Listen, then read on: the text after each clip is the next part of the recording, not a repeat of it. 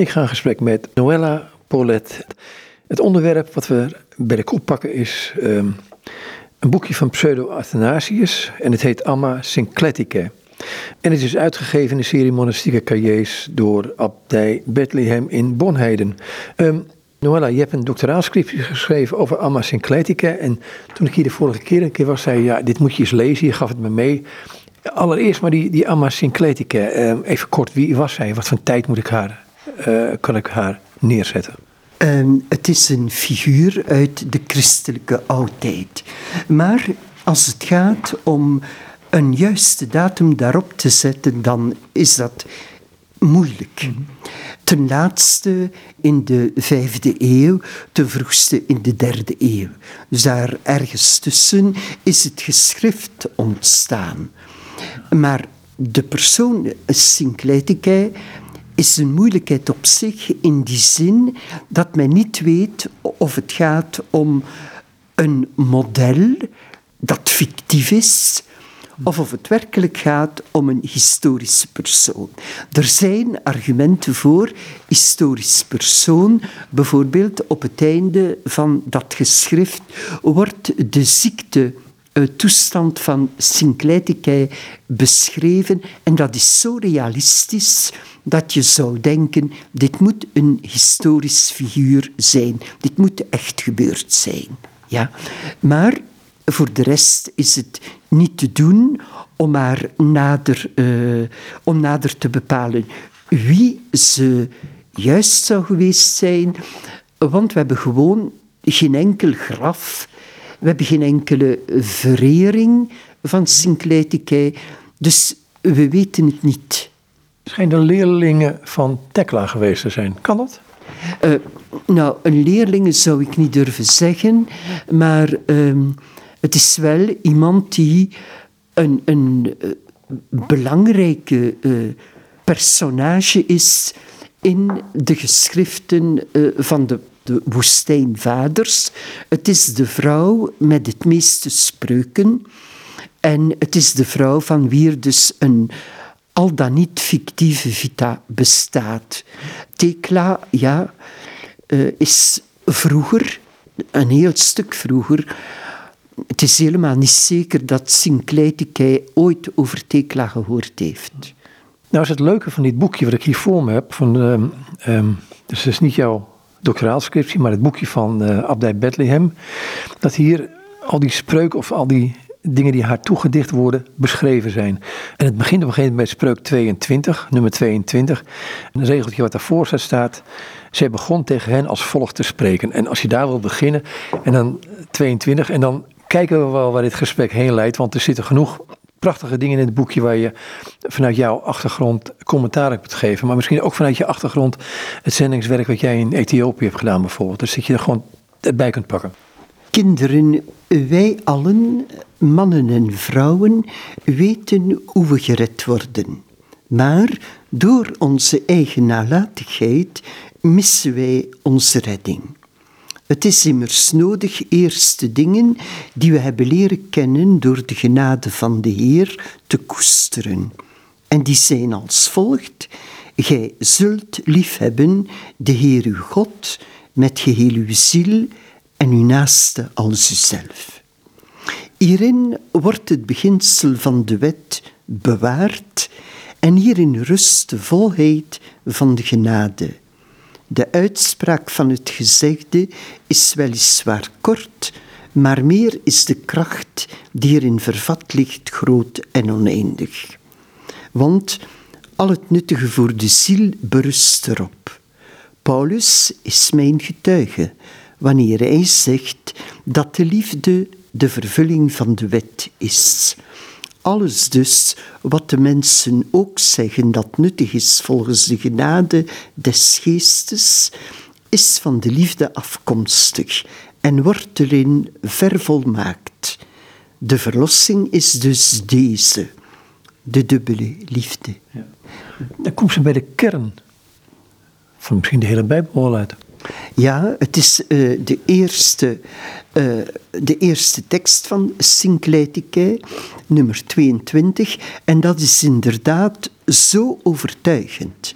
Toen ik begon met die studie en dit las, toen dacht ik, ja, die vrouw heeft echt begrepen wat christendom is. Hè?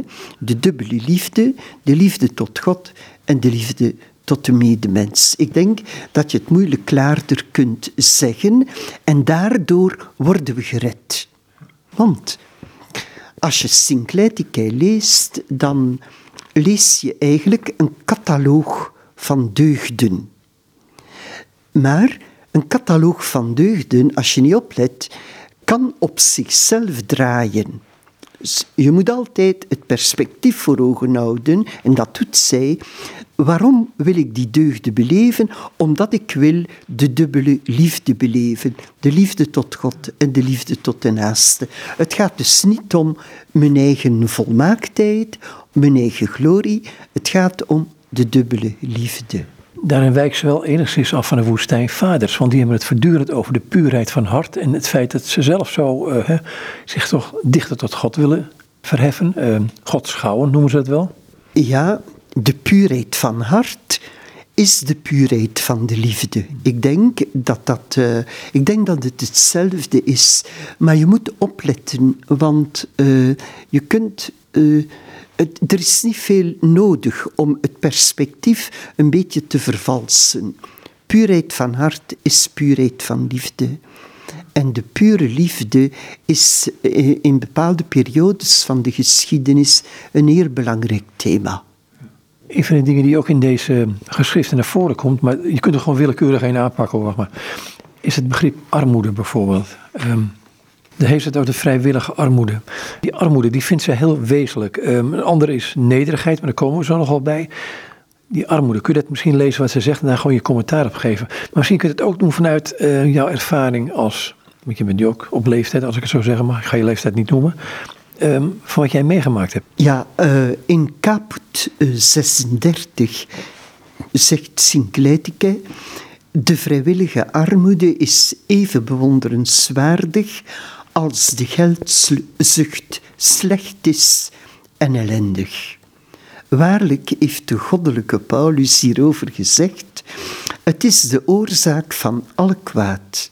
Want iedereen is het erover eens dat geldzucht de oorzaak is van begeerte naar rijkdom, mijnheid, diefstal, roofzucht, ontucht, afgunst, broederhaat, oorlog, afgodendienerij, gretigheid en wat eruit voortvloeit, hypocrisie, vleierij, bespotting.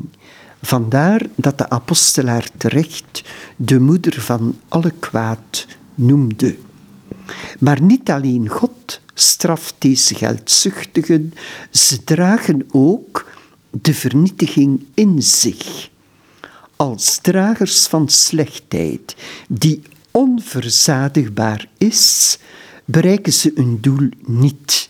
Daarom is hun kwaal ongeneeslijk. Hij die niets heeft, verlangt weinig. Maar wanneer hij dit heeft, smacht hij naar meer. Hij heeft honderd zilverstukken en hij begeert er duizend. En wanneer hij die bereikt heeft, wordt zijn begeerte oneindig. En zo klagen ze altijd over armoede, omdat ze voor zichzelf geen doel te stellen hebben, want de geldzucht draagt altijd de afgunst met zich mee. Enzovoort. Ja, het probleem is met de geldzucht, denk ik, dat de mens het zoeken naar het absolute legt waar het niet te vinden is, namelijk in het materieel bezit. En dat is rampzalig. Als je ziet ook, uh, in Trouw stond een, tijd, uh, een paar dagen geleden een artikel over mensen die te rijk zijn. Als je ziet hoe rijkdom mensen opsluit in een bepaalde klasse, in een bepaalde uh, context van relaties, ons kent ons, hè, noem maar op, dan kom je te leven in zo'n kleine, beperkte wereld dat het is om bij te huilen. Eigenlijk is uh, zo bereid van leven voor een mens heel gezond. En Sinclaiteke is daar dan heel ver in gegaan. Ja, je kunt zeggen, genoeg is genoeg. Je kunt zeggen, genoeg is genoeg, maar dan moet je ook tot inzicht komen dat het geluk niet ligt in het opstapelen van materiële goederen. En uh, een mens uh, is daar wel een beetje toe geneigd. Hè? Als je niet oplet, dan doe je dat. Een andere, we kunnen daar naartoe gaan, is over, um, over een deugd gaat het dan. Nummer 41. Uh, ja, kaput 41. Terwijl wij in de ban zijn van onze zorgen betreffende deugd, mogen wij vrouwen niet menen dat iemand in het leven zonder zorgen is. Want de schrift zegt: ieder hoofd is bestemd voor smart en ieder hart voor droefheid. In één woord schetst de Heilige Geest het monastieke leven en het leven in de wereld. Door de smart van het hoofd alludeert hij op de monastieke levenswijze. Het hoofd is namelijk de gids. Immers de schrift zegt, de ogen van de wijze staan in zijn hoofd. Het geestelijk inzicht, mijn zinzins, bevindt zich dus in het hoofd. Hij spreekt van smart, omdat iedere scheut van de deugd ontstaat uit smarten. Door de droefheid des harten toont hij het onstandvastige en moeitevolle karakter van het leven in de wereld. Want sommigen noemen het hart ook de zetel van toorn en droefheid. Worden ze niet geëerd, dan zijn ze bedroefd. Begeren ze het bezit van anderen, dan kwijnen ze weg. Zijn ze arm, dan zijn ze ontevreden. Zijn ze rijk, dan worden ze gek, omdat ze voor het bewaken van hun bezittingen geen slaaf meer vinden. Wat wil Sinclaitike zeggen? Wel, ze staat tegenover vrouwen die haar raad komen vragen. En dat zijn vrouwen in de wereld. En Sinclaitike wil proberen haar ideaal van leven aan die vrouwen duidelijk te maken. Ze wil dus zeggen, Kijk, het monastieke leven, het leven dat zij leidt, hè, is natuurlijk een leven waarin je lijden hebt. Maar het leven in de wereld is zeker geen leven dat vrij is van lijden. Dus vrouwen, wees een beetje verstandig. Hè? En laat je niet meeslepen door wat de wereld te bieden heeft hè? en beeld je niet in dat je daarin gelukkig zou worden hou je aan het monastieke leven en probeer daarin te doen wat je moet doen. En dat is de weg. Het gewone leven dus. Het monastieke leven, hier nu. Ja. ja, ze zegt op een gegeven moment ook van, uh, over het monastieke leven, heeft het over, um, je hebt dus op een gegeven moment de gehoorzaamheid en de ascese. Ze zegt de gehoorzaamheid is prima, maar ascese, dat kan enorm tot hoogmoed leiden. Ja, dat zegt ze op een bepaald moment. Hè. Uh, als vrouwen gaan opscheppen over een ascese bijvoorbeeld, dat ze uh, s'nachts uh, op de grond slapen. Al die sterke vormen van ascese. Sinclaitike zegt maar, snoef daar toch niet mee, want de boze geesten, die doen nog veel meer ascese dan jullie en het zijn boze geesten.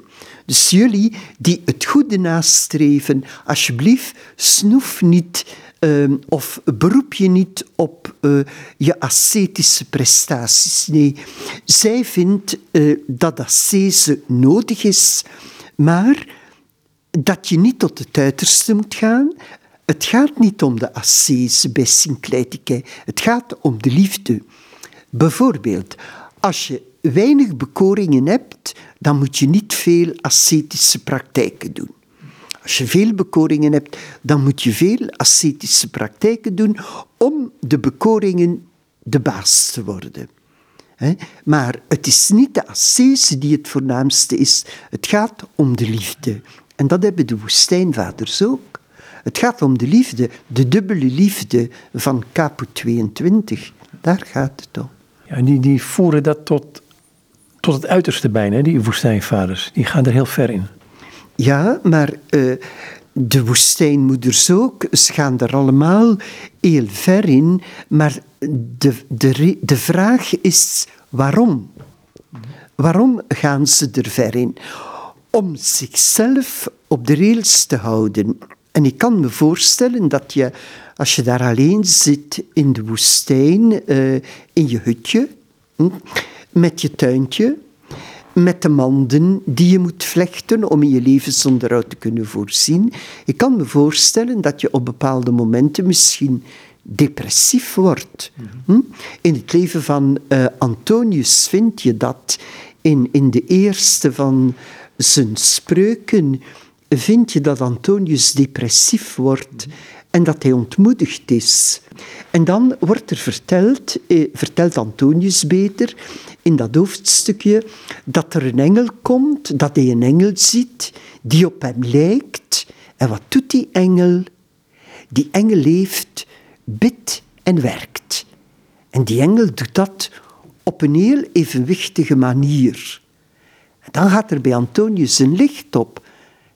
En Antonius beseft dat als hij wil volharden, hij zijn leven goed moet inrichten, evenwichtig moet inrichten.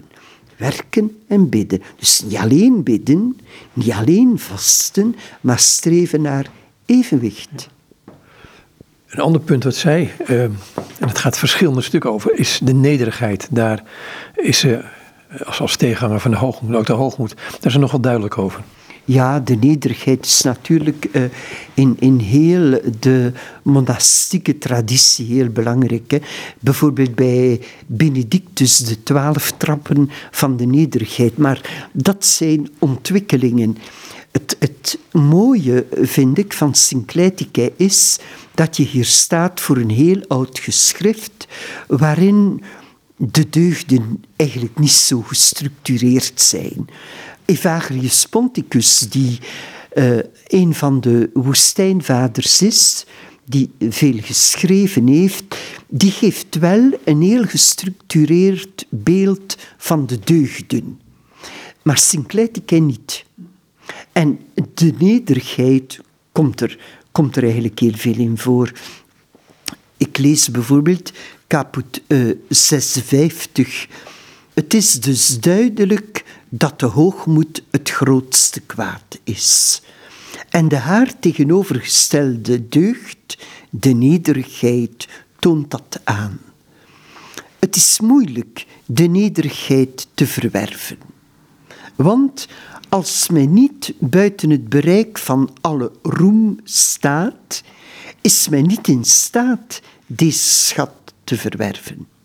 De nederigheid is zo groot dat het lijkt dat de duivel alle deugden imiteert, maar dat hij van deze zelfs niet eens weet wat ze is. Haar veiligheid en vastheid kennende, beveelt de apostel ons met haar te omkleden en ons erin te hullen, wanneer wij alle nuttige dingen doen. Wanneer je vast of aalmoezen geeft of onderwijst, zelfs wanneer je wijs bent en intelligent, plaats je haar nog als een stevige muur naast je. Laat de schoonste van alle deugden zelf, de nederigheid, je deugden binden en bijeenhouden. Je kent het lied van de drie heilige kinderen hoe zij de andere deugden in het geheel niet in herinnering brengend, de nederigen met de zangers meerekenden, zonder wijzen of armen te vermelden. Want zoals het onmogelijk is dat een schip zonder spijkers wordt gebouwd, zo is het eveneens onmogelijk gered te worden zonder nederigheid. Wat is nederigheid? Ik denk dat het is goed in je potaarde zitten.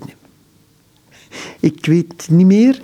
Eh, ik geloof dat dit ook een uitspraak is van uh, de woestijnvaders. Goed zitten in je menselijkheid. Dat betekent dus beseffen dat je een mens bent. En in dat mens zijn je vastheid vinden. En je daar niet boven verheffen, boven die menselijkheid. Dus accepteren alles wat die menselijkheid meebrengt aan innerlijke armoede, innerlijke zwakheid, zondigheid. Eh, dat geheel van, van ja, wat je kunt noemen armoede, wat de mens maar is, maar wat hij is. Goed zitten in je mens zijn. De volgende, het volgende hoofdstukje gaat erover. Hè? Ja, omdat de nederigheid goed is en verlossend, heeft de Heer, ten einde de bestemming van de mens te vervullen, zich in haar gehuld.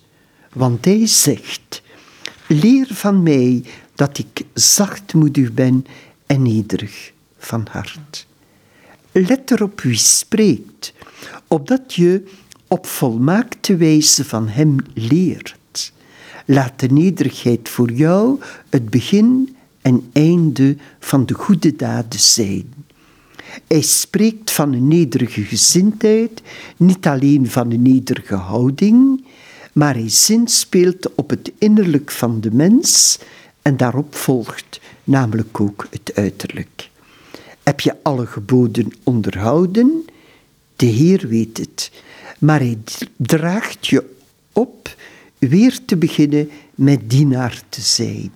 Want hij zegt, wanneer je alles gedaan hebt, zeg dan, wij zijn onnutte knechten.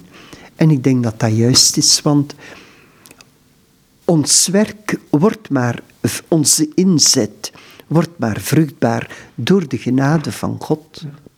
En het is, denk ik, juist nederig om te erkennen dat het goede dat gebeurt het werk is van Gods genade. Is dat die potaarde, om het een beetje gek te zeggen? Ja, ja dat is die potaarde. Het is een beeld, hè? maar ik vind het zo'n mooi beeld.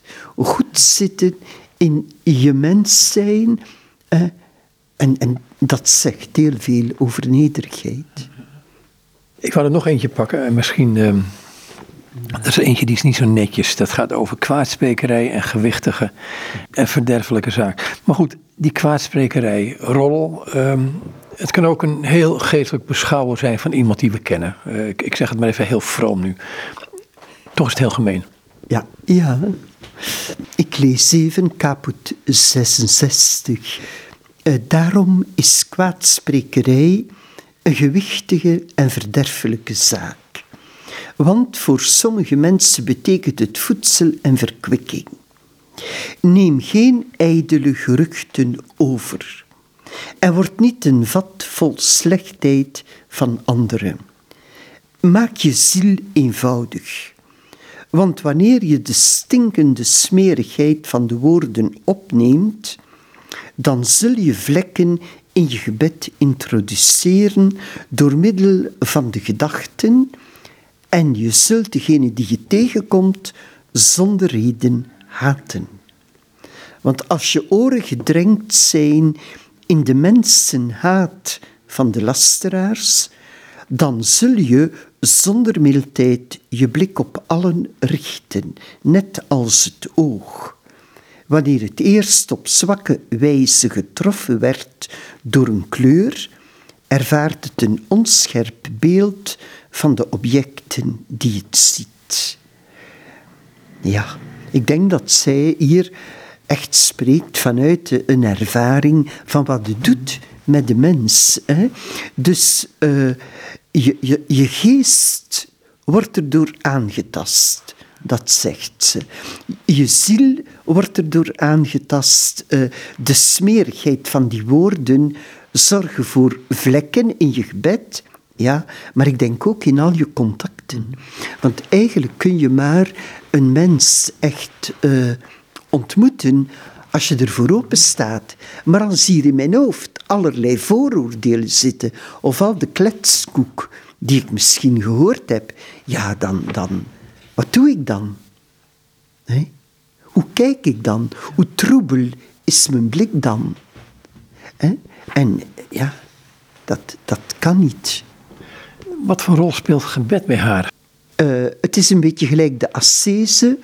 Hoe, moeilijker ze het heeft, hoe meer ze bidt. Ja?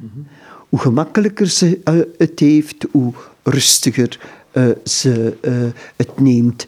Ze neemt alle mogelijke soorten van gebed. Op grond van wat ze vertelt, kun je eigenlijk niet goed weten, bijvoorbeeld hoe ze haar dag indeelt. Dat, dat, dat, weet je, dat weet je niet. Bijvoorbeeld in Caput 100, wan, oh dat gaat over de gehoorzaamheid.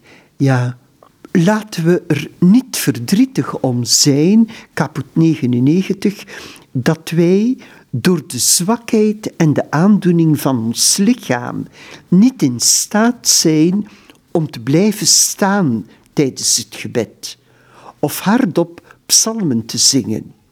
Dit alles wordt ons gegeven voor de zuivering van onze begeerten.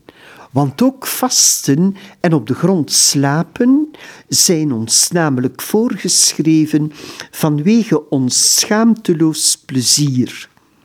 Als nu de ziekte die lusten heeft afgemat, dan is versterving overbodig. Waarom zeg ik overbodig? Immers, net als door een beter en krachtiger medicijn, zijn door de ziekte de doodbrengende misstappen uitgeschakeld. Dit is de grote ascese, het uithouden tijdens de ziekte en dankhymnen op te laten klinken naar de Almachtige. Met andere woorden, ze zegt: kijk, de actieve ascese die je jezelf oplegt, Oké, maar dat leg je jezelf op. Maar wat je opgelegd wordt door de omstandigheden van het leven, ziekte bijvoorbeeld, lichamelijke zwakte, dat is eigenlijk veel verdienstelijker dan de eigen opgelegde ascese, want dat leg je jezelf niet op. Is het dan de manier waarop je daarmee omgaat? Ja de manier waarop je ermee omgaat. Ze zegt tijdens de ziekte het uithouden hè, en dankbaar zijn. Voor wat God uh, je geeft. Ja, dankbaar zijn dat het nu is zoals het is.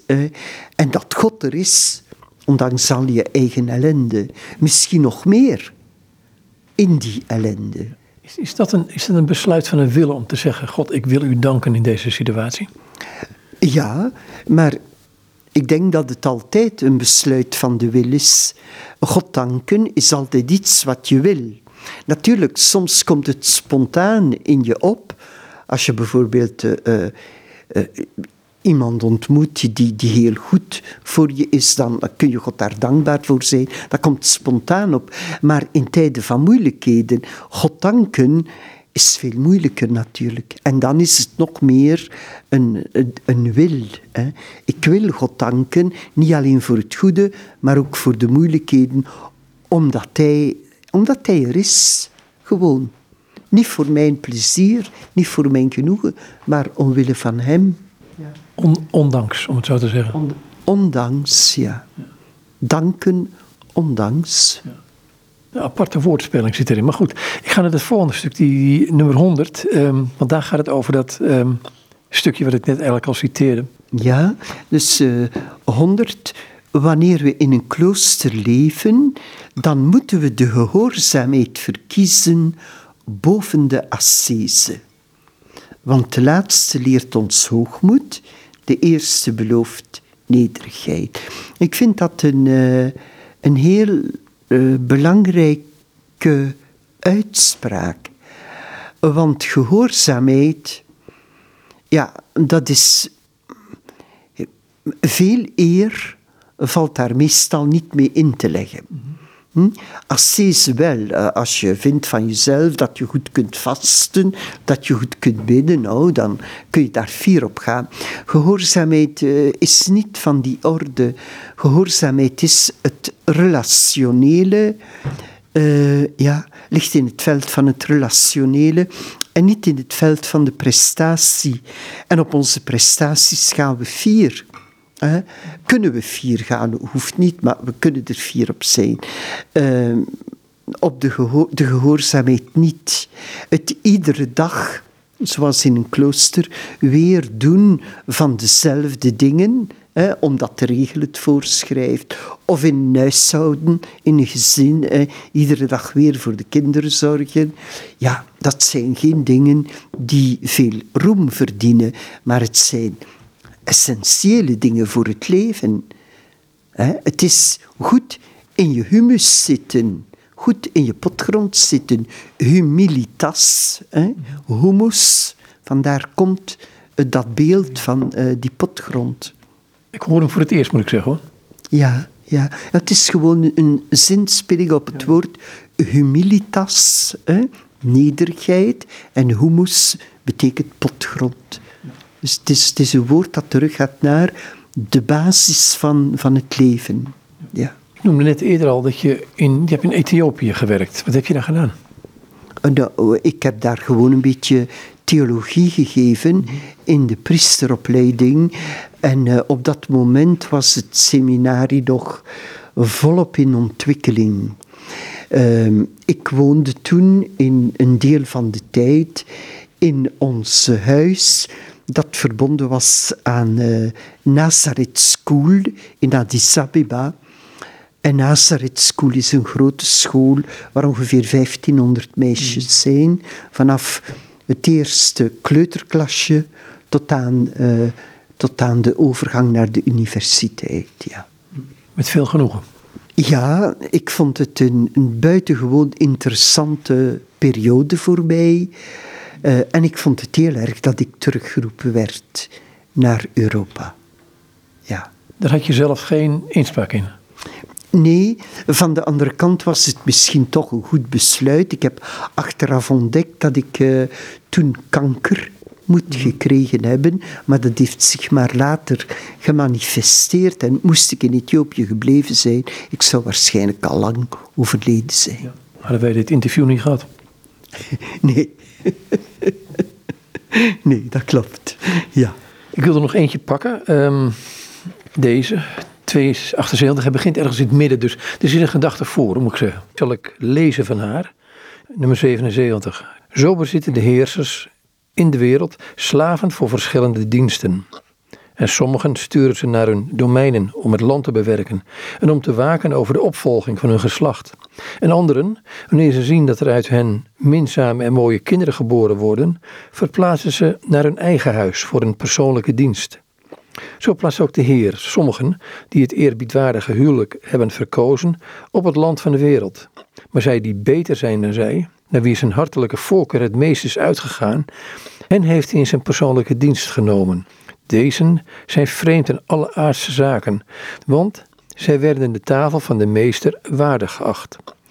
Ze tobben niet over hun kleding, want ze zijn met Christus aangetrokken. En dan komt die nummer 78. Ja, van deze beide categorieën is één de meester, de Heer. Want zoals zowel het kaf als het zaad van hetzelfde koren afkomstig zijn, zo zijn zowel zij die in de wereld een vroom leven leiden, uit dezelfde God afkomstig als zij die het leven in eenzaamheid verkozen hebben. Want in feite zijn beide nodig. Bladeren ten dienste en ter bescherming van het zaad, maar ook het verwerven van de vrucht is noodzakelijk omdat dat het begin van alles is.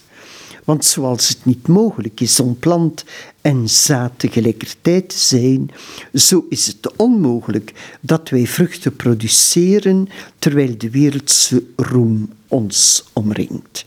Als de bladeren afvallen en de stengel verdort, is, dan is de aar klaar voor de oogst. En daarom kunnen wij, zusters, wanneer we de aardse praal afgeworpen hebben, als bladeren, en wanneer we ons lichaam gedroogd hebben als de stengel en we onze gedachten op een hoger pijl gebracht hebben, het zaad voor de verlossing produceren. Het is eigenlijk een eh, heel mooi, een mooie vergelijking hè, over de ontwikkeling die een mens in het leven meemaakt.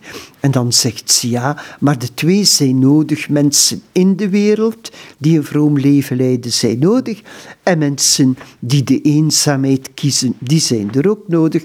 Maar het gaat tenslotte om hetzelfde. Het gaat erom uh, dat het zaad voor de verlossing geproduceerd wordt. Dat vind ik het wonderlijke. Ik heb altijd een, een kastanje bij me. Uh, die vind je één keer per jaar, gemiddeld. Ik heb er twee nou, nou deze wat ouder. Ik vind het wonder van dit, vind ik, dit, dit is een kastanje, maar stop je hem in de grond, dan kan er een boom, zelfs een bos uitkomen. Dus die groei die ook in ons zit, die we zo makkelijk tegenhouden door, ik hou deze groei tegen door hem in mijn zak te houden. Ik hou het voor mezelf. Dat aspect. Ja, dat is heel de, de omschakeling die een mens mee te maken heeft van de gerichtheid op zichzelf hè, en op het voldoen van zichzelf, van, van zijn driften, van zijn emoties, van zijn pretenties. Hè. Dat is een beetje de indeling van uh, Evagrius Ponticus. Van de klemtoon te verleggen naar de wil van God. En dat is het. Ja, gewoon die overschakeling maken. En dan moet je eens een keertje aan beginnen. Want anders blijf je ploeteren in het moeras van je eigen, ja, je eigen ongeluk. Ja, de, de, de Vlamingen hebben zo'n mooi woord. Hè? Dan, dan, dan heb je de neiging jezelf terug te plooien. Of je wordt teruggeplooid op jezelf. Ja, uh, en teruggeplooid worden op jezelf kan, is niet noodzakelijk verkeerd. Hè? Ik denk bijvoorbeeld aan Ignatius van Loyola, die op een bepaald moment eh, gevangen genomen wordt. Hè? En op een ander moment wordt hij ziek. En door ziek te zijn en teruggeplooid te worden op zichzelf, gaat hij de heilige levens lezen, want er is niks anders. En besluit hij dan om ook een keuze te maken voor God. Dus het teruggeplooid worden op jezelf kan een goed moment zijn in de ontwikkeling. Maar je moet er niet blijven in steken natuurlijk, want je komt geen poot vooruit. En het wordt steeds kleiner, denk ik. Ja, ja.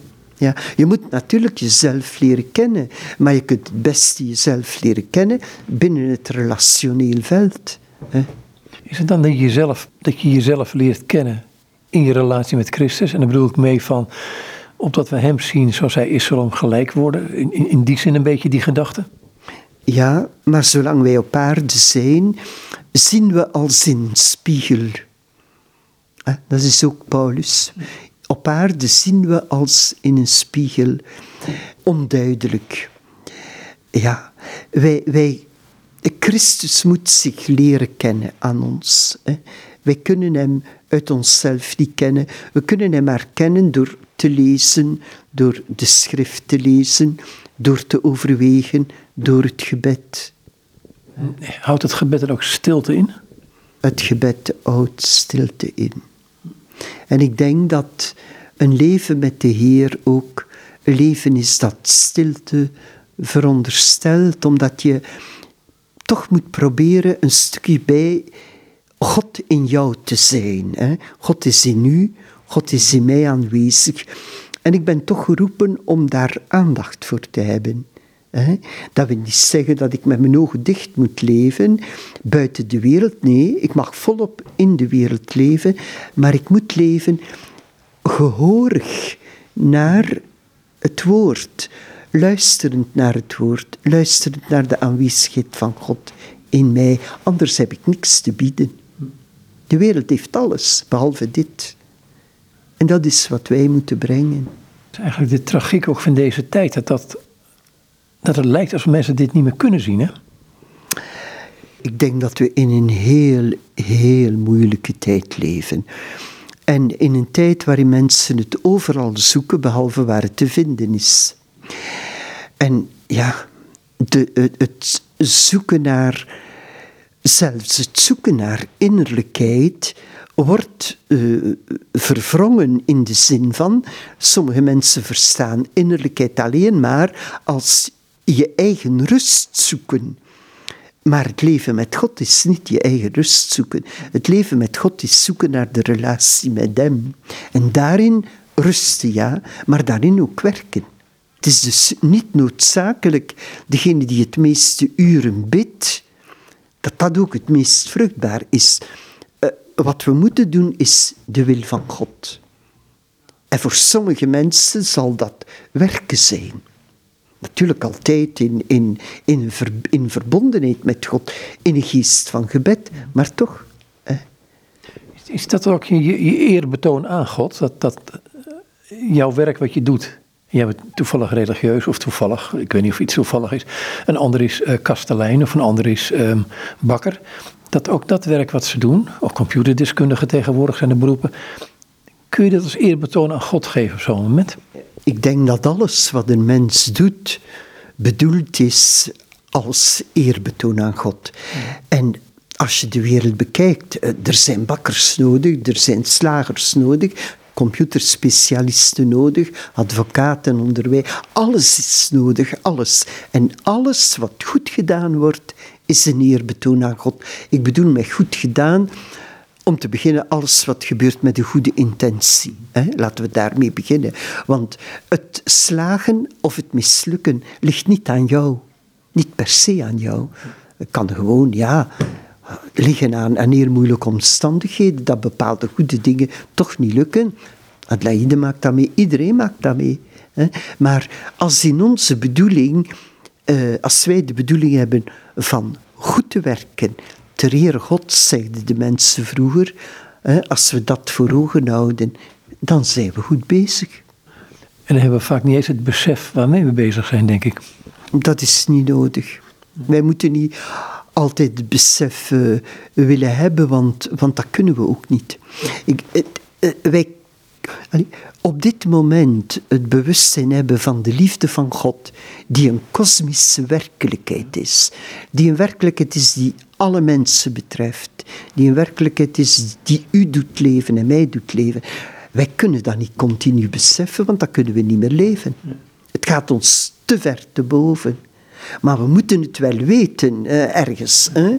En we moeten het ons soms heel goed bewust worden. Maar continu daarin leven, ik denk dat dat de hemel is. Daar zijn wij op aarde niet toe in staat.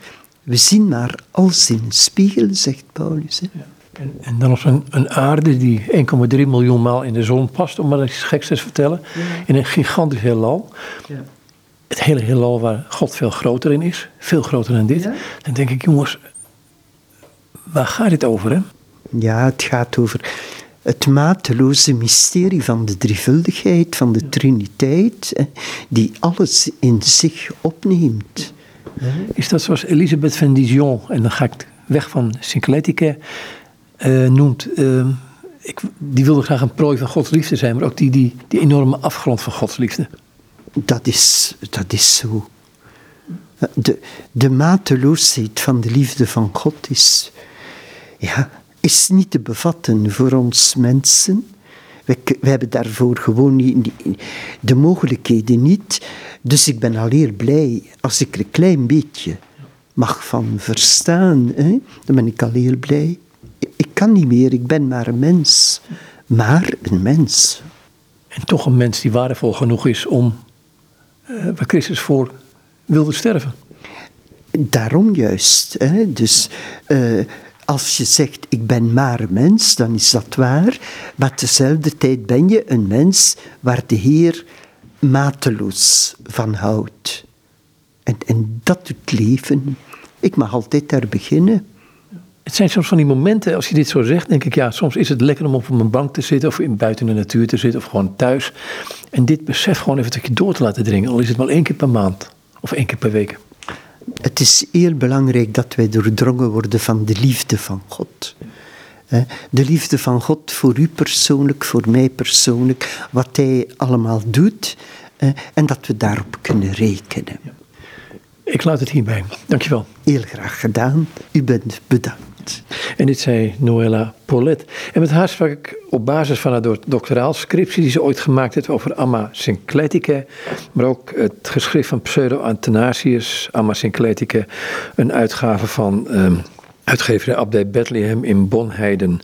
In de serie Monastieke Cahiers nummer 49 is het. Het is de moeite van het lezen waard. Maar goed, dat zult u wel gehoord hebben. We hebben het niet uitvoerig behandeld, want er staat nog veel meer in. En overal valt veel over te zeggen.